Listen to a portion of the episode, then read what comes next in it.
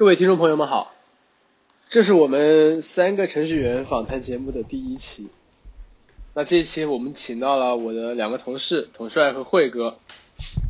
然后我们三个呢，都是刚经历过这个大裁员，互联网的大起大落，每个人都有自己的故事。我们这次坐到这个地方呢，就是想聊聊天，聊一聊各自对于行业的感受，还有各自的这个当前的一些现状。我们现在请慧哥聊一聊呗，慧哥最近怎么样？